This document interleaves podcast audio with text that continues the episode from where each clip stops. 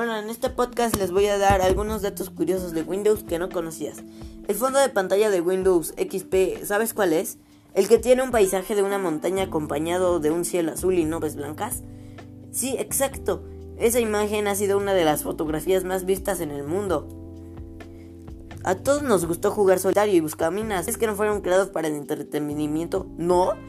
No, su objetivo principal era que por este medio las personas aprendieron a manejar el mouse del ordenador y por si fuera poco, el mismo Bill Gates tuvo que borrar el solitario de su computador porque le generaba mucha distracción el momento de trabajar. El sonido de la presentación característico de Windows al encender la computadora fue creado por el famoso Brian Eno.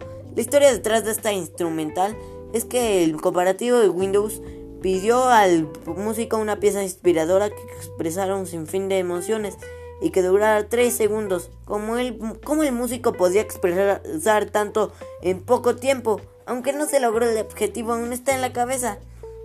Y el último dato interesante. ¿Sabías que el famoso Bill Gates hacía creaba sus antivirus y que tenían virus? Sí, yo esto no lo sabía. Me preguntan dónde andará ahora el famoso Bill Gates. Bueno, gracias por escucharme y nos vemos hasta la próxima. Adiós.